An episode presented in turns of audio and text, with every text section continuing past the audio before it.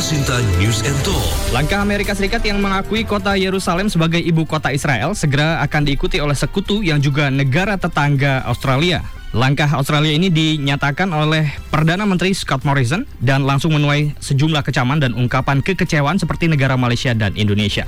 Hubungan Australia dengan pemerintah Joko Widodo yang cukup baik selama ini diperkirakan akan mengalami perubahan. Lalu seperti apa dampak keputusan Australia terhadap situasi regional? Kita akan membahasnya bersama dengan pengamat hubungan internasional dari Pusat Studi Timur Tengah Universitas Bina Nusantara Tia Mariatul Kiptiah. El Sinta News and Talk. Bu Tia, Iya, halo. apa sebenarnya yang melatar belakangi pengakuan Australia ini Bu Tia kalau dari pandangan Anda? Saya juga kurang paham ya kenapa Australia ini begitu gegabah mengambil satu keputusan yang cukup sensitif mengenai pemindahan ibu kota Israel ini yaitu ke Yerusalem Barat begitu. Eh, karena selama ini kita tahu bahwa walaupun Australia menjadi sekutu Amerika Serikat, Australia merupakan negara yang cukup baik membangun bilateral dengan Indonesia. Saya pikir bukan hanya dengan Indonesia ya, eh, Mas Arief. Kita tahu bagaimana Australia juga membangun hubungan baik, terutama di bidang, di bidang perdagangan dengan beberapa negara di Asia seperti Malaysia. Jadi yang mengecam eh, keputusan Australia tersebut, walaupun pemindahan bukan eh, belum dilakukan, tapi juga eh, Perdana Menteri Malaysia Mahathir Muhammad juga sudah uh, mengeluarkan uh, apa namanya warning terhadap pemerintahan Australia tentang keputusannya tersebut. Saya melihat sebaiknya memang uh, pemerintah Australia harus segera mengubah keputusannya karena uh, kalau kita perhitungkan secara benefit untuk pemerintah Australia ini jelas sangat merugikan pemerintah Australia sendiri begitu. Hmm. Karena apa? Karena uh, terutama Indonesia Malaysia itu sangat mendukung uh, kebebasan atau kemerdekaan negara Palestina. Jadi kalau hanya ingin mengikuti sekutunya yaitu Amerika Serikat, tapi ini akan memberikan efek yang cukup besar terutama di bidang perdagangan dengan uh, Australia sebaiknya dip- diperhitungkan kembali mengenai uh, wacana untuk pemindahan pengakuan ya, pengakuan uh, Yerusalem Barat sebagai ibu kota Israel. Begitu Mas Arief. Hmm. Eh, dampaknya atas keputusan Australia ini secara regional bagaimana sih antara hubungan Indonesia mungkin juga dengan negara-negara Asia Tenggara kalau tadi kita sebut ada Malaysia dan juga Indonesia, Bu Tia? Iya, tadi saya melihat, tadi saya sudah katakan bahwa uh, dampaknya ini mungkin akan ber, ber, berdampak terhadap uh, hubungan kerjasama di bidang perdagangan terutama, karena selama ini kita menerima banyak impor dari uh, negara Australia, terutama di bidang foods ya makanan. Jadi kalau ini terus dilanjutkan itu akan uh, memengaruhi bagaimana pemerintah kita bisa jadi akan menerima uh, impor dari negara lain begitu. Hmm. Karena selama ini lumayan banyak ya jumlah kerjasama kita dengan Australia, terutama barang-barang dari Australia justru yang diimpor ke Indonesia begitu, bahkan ke Malaysia. Kalau untuk negara lain yang mayoritas tidak tidak Muslim begitu ya populasinya, saya pikir itu tidak masalah. Tapi untuk Malaysia, Indonesia, kemudian Brunei, nah ini justru akan uh, memberikan dampak yang cukup, cukup signifikan, terutama di bidang perdagangan karena uh, melalui Kementerian Luar Negeri kita sudah strict banget bagaimana sikap kita mengenai konflik Palestina Israel. Bahwa kita tidak mentolerir se se- se- sedikit pun ya uh, terhadap berdirinya negara Israel selama dia melakukan penjajahan terhadap uh, Palestina begitu. Uh, Dengan dengan Morrison ini melakukan satu keputusan tersebut, ya artinya seolah dia tidak menghormati ya, tidak menghormati Indonesia, kemudian tidak menghormati Malaysia yang selama ini mengambil sikap tegas terhadap Israel begitu. Dan sampai kapan pun saya melihat siapa pun pemerintahan Indonesia itu tidak akan membuka hubungan diplomatik dengan Israel. Hmm. Seharusnya, seharusnya Australia itu tahu itu. Dan eh, saya saya saya eh, melihat bahwa Australia itu paham ya, paham dengan budaya dan politik Indonesia. Eh, kalau dia mengambil satu keputusan ini, maka akan eh, berdampak terhadap eh, apa namanya bilateral Indonesia Australia. Hmm. Nah, yang menjadi pertanyaan Mas Arief bukan dampaknya. Kenapa dia lakukan itu begitu? Apakah karena hanya memang betul pure hanya hubungan sekutu dengan Amerika Serikat atau memang ada faktor lain begitu? Karena kalau kalau ini diteruskan, justru ini akan merugikan pemerintah Australia sendiri. Kenapa saya bilang bahwa pemerintah Australia tahu uh, apa namanya Indonesia ini uh, tidak akan mentolerir hal-hal yang berkaitan dengan kemerdekaan, kemerdekaan Palestina.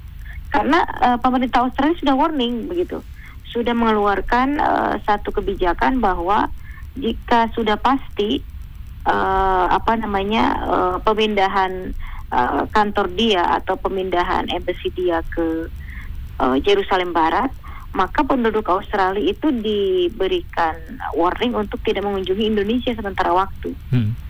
Nah, artinya pemerintah Australia itu tahu tahu kalau misalnya ini dilakukan akan berdampak terhadap bagaimana masyarakat Indonesia akan protes terhadap keputusannya tersebut begitu Mas Arief. Hmm. Uh, seperti kita tahu juga kan Perdana Menteri Australia sebelumnya ya Malcolm Turnbull ini kan uh, sudah dalam tanda kutip mengesampingkan lah ya untuk rencana pindahnya kedutaan Australia ke Yerusalem setelah pengumuman oleh Amerika Serikat. Nah, dua negara lain uh, di Amerika Latin seperti Guatemala dan juga Paraguay juga sebelumnya mengumumkan akan memindahkan uh, kedutaan besarnya begitu, tetapi kemudian Paraguay juga uh, uh, membatalkan rencana itu setelah pergantian pemerintahan. Apakah mungkin ini juga uh, apa yang sebenarnya sudah di, diputuskan oleh Malcolm Turnbull ternyata tidak diikuti oleh uh, Morrison begitu punya pandangan eh, pandangan-pandangan sendiri tentang hubungan mereka atau mungkin kepentingan antara Australia dengan um, Israel katakanlah begitu. Uh, saya saya melihat kalau hubungan sudah pasti ya karena uh, Australia kita tahu bahwa menjadi sekutu Amerika Serikat artinya apa pun yang menjadi uh, keputusan kebijakan luar negeri Amerika Serikat biasanya diikuti oleh sekutunya yang lain begitu. Hmm. Nah, saya melihat ini semacam ada test drive dari dari Morrison ini. Uh, artinya kalau saya ini lemparkan isu akan pemindahan ibu kota, uh, sorry akan pemindahan uh, apa namanya embassy ke ke uh, Jerusalem Barat, bagaimana respon negara-negara yang selama ini punya hubungan baik dengan Australia, terutama Indonesia dan Malaysia begitu. Hmm. Jadi kalau misalnya kita nampak tenang-tenang saja dan dia, mungkin ini akan terus dilanjutkan. Nah, gitu, ya. kemudian Jadi, juga tapi kalau ada reaksi mungkin uh, saya melihat eh, ini akan di cancel kembali uh, seperti pada pemerintahan sebelumnya begitu. Ibaratnya cek ombak lah begitu ya Bu Tia ya. Iya iya betul. Ya, ini juga kan uh, Kementerian Luar Negeri Indonesia juga uh, meminta ya Australia dan juga semua anggota PBB untuk segera mengakui negara Palestina me untuk mengcounter apa langkah yang di akan diambil oleh Australia ini nih. Bagaimana menurut Anda? Iya, karena uh, kita sudah jelas sikap kita sudah jelas selama uh, Israel menjajah Palestina itu kita tidak ada toleransi sama sekali. Jadi kalau Israel sudah melakukan uh, apa namanya uh, pembicaraan atau proses perdamaian dengan Palestina, kemudian bukan hanya pembicaraan ya, karena kita tahu ada beberapa perjanjian ternyata itu buntu begitu. Tidak ada satupun perjanjian dari Israel yang Israel tepati kemudian berbuah terhadap uh, perdamaian Palestina atau kemerdekaan Palestina. Nah, yang kita tunggu adalah betul-betul Palestina merdeka menjadi satu negara yang berdaulat, tidak dijajah lagi. Uh, kemudian hak-hak segala sesuatu dari Palestina diberikan, maka baru kita akan membuka hubungan diplomatik dengan Israel. Selama Israel hanya mengatakan bahwa akan ada proses perdamaian, akan ada perjanjian seperti Oslo 1, Oslo 2, Camp David, kemudian uh, ada beberapa perjanjian yang lain, itu semuanya tidak berbuah uh, menghasilkan uh, kemerdekaan Palestina, Mas Arief. Nah, hmm. kalau hanya sebatas wacana, itu kita tetap dari pihak Kementerian uh, Luar Negeri melalui Ibu Retno sudah jelas uh, mengumumkan bahwa kita tetap akan uh, tidak akan membuka hubungan diplomatik dan kerja sama apa pun dengan pihak Israel. Hmm. Dan saya uh, melihat bahwa semua uh, negara termasuk juga di tidak hanya di region ASEAN, termasuk juga di luar region dan uh, apa namanya hubungan baik dengan Australia Australia tahu itu gitu mm -hmm. uh, kemudian tapi kenapa dilanggar juga gitu mm -hmm. itu yang menjadi pertanyaan ya gitu. seperti kan kita juga ketahui ya sudah ada uh, kesepakatan lah begitu ya antara Palestina dan Israel berdasarkan prinsip solusi dua negara atau two state solution gitu nah artinya ini kan ada sesuatu yang dilanggar begitu ya Bu Tia ya Uh, belum ada, Mas. Baik. Belum ada two state solution itu belum ada. Itu hmm. baru uh, wacana-wacana dari beberapa perundingan. Hmm. Jadi uh, dari perundingan-perundingan yang dilaksanakan oleh pihak Palestina dan Israel sejauh ini ada beberapa wacana. Yang pertama hanya satu negara yaitu Israel Hmm. Kemudian Palestina mengikuti, tapi hak hak Palestina diberikan, tapi dalam artian na nama Palestina itu hilang gitu. Hmm. Ada solusi kedua yaitu negara Palestina saja seperti yang diinginkan oleh Hamas, Israel tidak ada karena dia adalah penjajah dan datang dan merebut begitu ya. Hmm. Nah solusi yang ketiga adalah two state itu tadi yaitu dua negara yang hidup berdampingan. Hanya saja di sini memang harus digarisbawahi bahwa wilayah-wilayah yang sudah diambil alih oleh uh, Israel dan diokupasi dari wilayah Palestina itu harus kembali di, diberikan. Selalu dari agreement ini uh, menemui jalan buntu begitu. Hmm. Nah, selama itu tidak dilakukan oleh Israel, maka selama itu pula kita tetap tidak akan memberikan hubungan diplomatik atau kerja sama apa pun dengan Israel dan kita juga akan uh, mengecam negara-negara yang memang mengakui keberadaan Israel apalagi misalnya sambi, uh, sampai mengakui uh, Yerusalem sebagai ibu kota Israel begitu Mas Ari. Kita uh, libatkan pendengar ya Bu Tia. Ada Pak Selamat Muksan di Tangerang. Selamat malam Pak. Selamat. Malam Mas Arief. Ya, silakan Pak. Malam Bu Tia, apa kabar? Baik Pak, selamat malam juga. Ya, jadi begini. Ini rame-rame pindah ke Yerusalem Barat itu ya, itu mungkin hanya soal waktu ya. Hmm. Uh, jadi mungkin apalagi setelah Amerika menancapkan di sana ini berarti akan lebih banyak lagi orang eh, negara itu memindahkan ke ibu kotanya ke apa uh, ambasadornya ya ke sana semua ya. Hmm. Jadi begini, saya melihatnya begini kan kita di uh, waktu itu sudah dimulai negara-negara gurem ya, negara gurem di Amerika Selatan dan Konkakaf ya, ada Honduras, uh, ada apalagi tuh ya, uh, Costa Rica ya, terus kemudian Haiti ya kalau nggak salah. Kemudian ada juga Eropa Timur ya, Eropa Timur seperti Hungaria sudah di sana itu. Nah kalau Amerika sudah di sana, mungkin akan diikuti. Australia itu lebih penting Amerika daripada ASEAN. Hmm. Walaupun secara geografis bahwa Australia tidak merasa tertekan, tidak merasa ada tekanan dari ASEAN karena meskipun kondisinya dia di pojok seperti itu, tapi Amerika jauh lebih penting.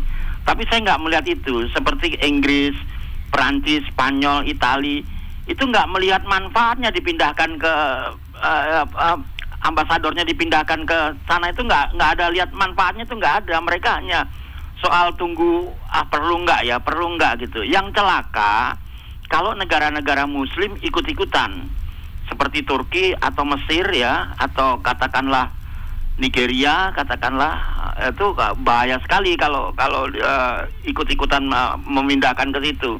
Itu celaka. Jadi artinya memperpanjang apa untuk tidak menjadi damai hmm. panjang masa gitu kan. Itu memperpanjang. Perdamaian sesuatu hal yang sangat mahal. Apa ada tanah perjanjian memang di situ tuh tanah sengketa yang sepanjang hidupnya sudah diatur sedemikian gitu. Sehingga tidak mungkin terjadi perdamaian apalagi dengan seperti ini. Kalau eksodus terus-terusan bahwa Amerika komandannya terus semua ngikutin itu sebetulnya nggak terlalu penting. Manfaatnya juga nggak ada kok dipindahkan di sana juga kan itu kan. Tetapi kalau negara-negara Muslim akan ikut itu yang celaka itu yang yang harusnya ditentang kalau ada ada upaya negara Muslim yang mendukung perpindahan itu. Terima kasih selamat malam ya selamat malam Pak Selamat Muksan Butia bisa ditanggapi Uh, kalau secara uh, hubungan diplomatik, Mas Arief, kalau kita melihatnya dari perspektif hubungan internasional, kita tidak istilahnya tidak mengenal negara Muslim dan tidak Muslim ya. Uh, siapa pun negaranya, selama itu bertentangan dengan keputusan atau kebijakan luar negeri Indonesia, ya kita akan memberikan warning tersebut begitu. Jadi artinya selama Indonesia mendukung kemerdekaan Palestina dan menentang keberadaan Israel, maka selama itu pula negara-negara yang memiliki kebijakan luar negeri yang bertentangan dengan Indonesia tapi memiliki hubungan yang baik dengan Indonesia, setidaknya Indonesia akan melakukan protes terhadap negara tersebut gitu. Hmm. Jadi ya Indonesia uh, uh, tidak melihat bahwa ini negara Muslim, ini bukan efeknya akan bagaimana tidak. Selama itu tidak tidak tidak menghormati keputusan Indonesia ataupun uh, apa namanya tidak sejalan untuk memberikan dukungan terhadap kemerdekaan Palestina, ya selama itu pula uh, sama halnya dengan uh, apa namanya ya bukan bukan me, me, membuat luka. Artinya kita pasti akan melakukan protes itu begitu terhadap negara yang memang uh, punya hubungan dagang yang baik dengan kita.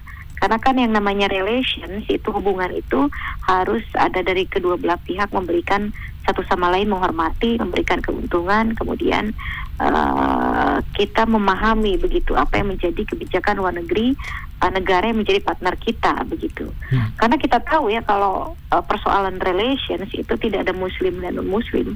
Kalau kita melihat bagaimana Saudi juga banyak berinvestasi di negara-negara barat dan di US daripada di kita dan bahkan di ASEAN sendiri dia lebih memilih dengan negara lain itu artinya memang agama tidak menjadi ukuran bagaimana uh, relation atau hubungan itu dibina dalam hubungan internasional begitu Mas Arief. Hmm. Kita undang kembali pendengar ada Pak Amri di Lampung. Pak Amri selamat malam.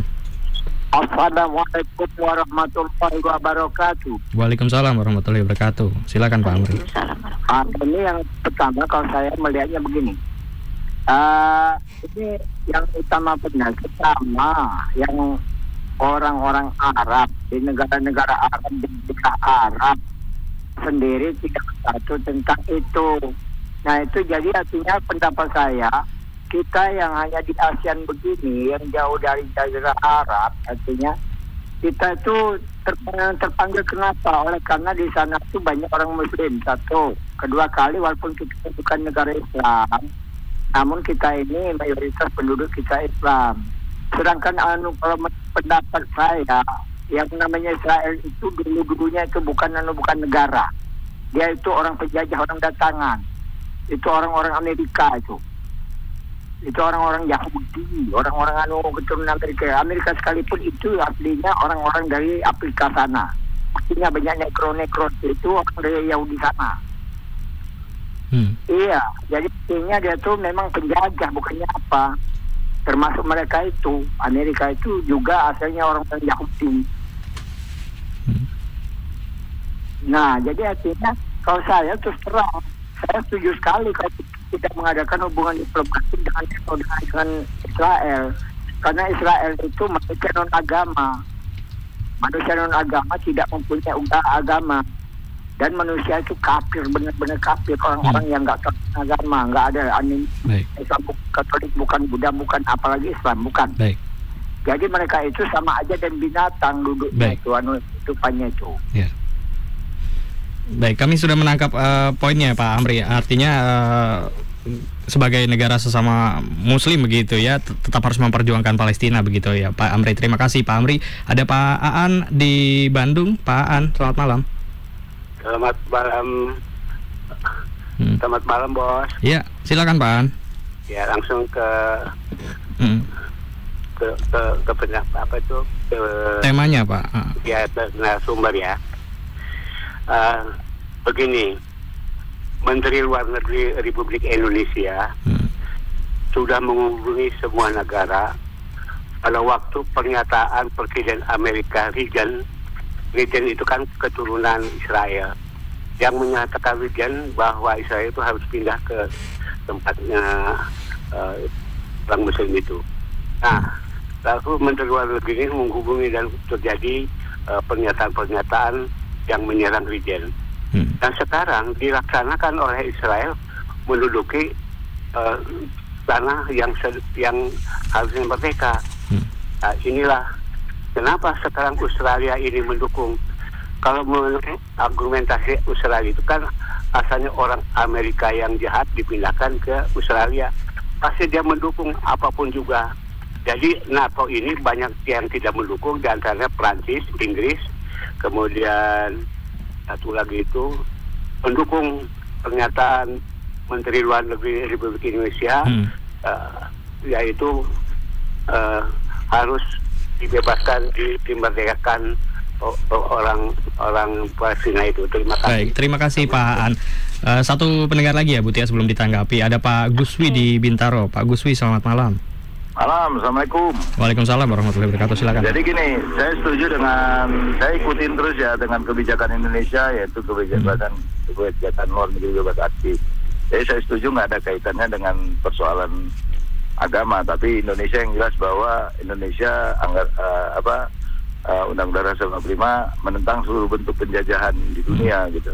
Jadi kita kita ngelihatnya konteks itu. Jadi saya pikir kadang-kadang uh, kadang -kadang kita di dalam negeri ini uh, apa itulah bentuk-bentuk sebenarnya apa yang di, diambil kebijakan oleh Menteri Luar Negeri tentu ini uh, berkaitan dengan kebijakan presiden juga kan hmm. yaitu me, me, menjalankan uh, apa yang tercantum dalam Undang-Undang Dasar 1945 yaitu uh, dan uh, apa kemerdekaan Indonesia bahwa seluruh bentuk penjajahan di atas dunia itu harus dihapuskan kan itu. Yeah. Jadi jadi itu jadi sebenarnya yang kita harus dukung pemerintah kita bahwa menjalankan politik di uh, politik uh, di, uh, di internasional itu masih ada di rule di rule ke ke uh, uh, tujuan bangsa kita. Jadi jangan terlalu dikaitkan ibaratnya apalagi, apalagi tadi ada perkataan itu orang pendatang. Emang sejarah di Palestina itu unik mulai zaman dulu, hmm. unik banget gitu. Jadi jadi saya pikir uh, apa yang diambil kebijakan oleh uh, negara kita sikapnya terhadap uh, perpindahan duta-duta besar ke uh, ke Yerusalem bahwa menantangnya itu itu sangat betul. Jadi saya sangat betul. Jadi itulah bentuk yang kita lihat yang sesuai dengan Undang-Undang Dasar 1045. Saya rasa itu Baik. kita harus dukung kebijakan luar negeri kita yang sangat bagus dan luar biasa. Baik. Menurut saya begitu. Makasih. Terima kasih Pak Guswi. Ibu Tia bisa ditanggapi. Secara umum ketiga pendengar kita tadi Pak Amri, Pak Aan dan juga Pak Guswi mendukung langkah Kementerian Luar Negeri untuk uh, melaksanakan amanat undang-undang begitu. Iya, tadi sebagaimana sudah dikatakan Pak Gusti ya. Hmm. Jadi kita sebetulnya bukan persoalan Islam dan tidak Islam karena kita tahu juga bahwa penduduk Palestina dan yang dilakukan okupasi, misalnya dirampas tanahnya secara paksa, orang yang beragama Kristen juga banyak, Mas Arief. Hmm. Jadi ini bukan bukan hanya persoalan agama, tapi kita menjalankan titah Undang-Undang Dasar 1945 tersebut. Dan selama undang-undang itu ada, kita akan terus melakukan uh, apa namanya menjalankan undang-undang kita, kemudian kita lakukan kebijakan luar negeri kita ber, berkaitan dengan konflik Palestina Israel dari sejak presiden pertama sampai sekarang. Makanya saya bilang tadi siapa pun presidennya Indonesia, maka kebijakan uh, politik luar negeri kita terhadap isu Palestina Israel tidak akan pernah berubah. Siapa pun presidennya begitu. Jadi uh, sudah jelas, sudah jelas rulesnya, sudah jelas undang-undang kita sudah jelas uh, komitmen kita selama Israel tidak memberikan kemerdekaan terhadap Palestina maka selama itu pula tidak akan pernah terjadi hubungan diplomatik uh, antara kita dengan Israel begitu. Hmm. Walaupun Israelnya se, se, mungkin ya saya me, me, me, me, memperkirakannya sekitar 98% sudah sangat ingin membuka hubungan diplomatik dengan Indonesia begitu. Hmm. Tapi ya itu tadi kalau Anda mem mementahkan kembali seluruh perjanjian damai dengan pihak Palestina dan selalu tidak ditepati poin-poinnya, uh, ya selama itu pula Indonesia tidak akan pernah melakukan hubungan baik dengan Israel, begitu Mas Arief.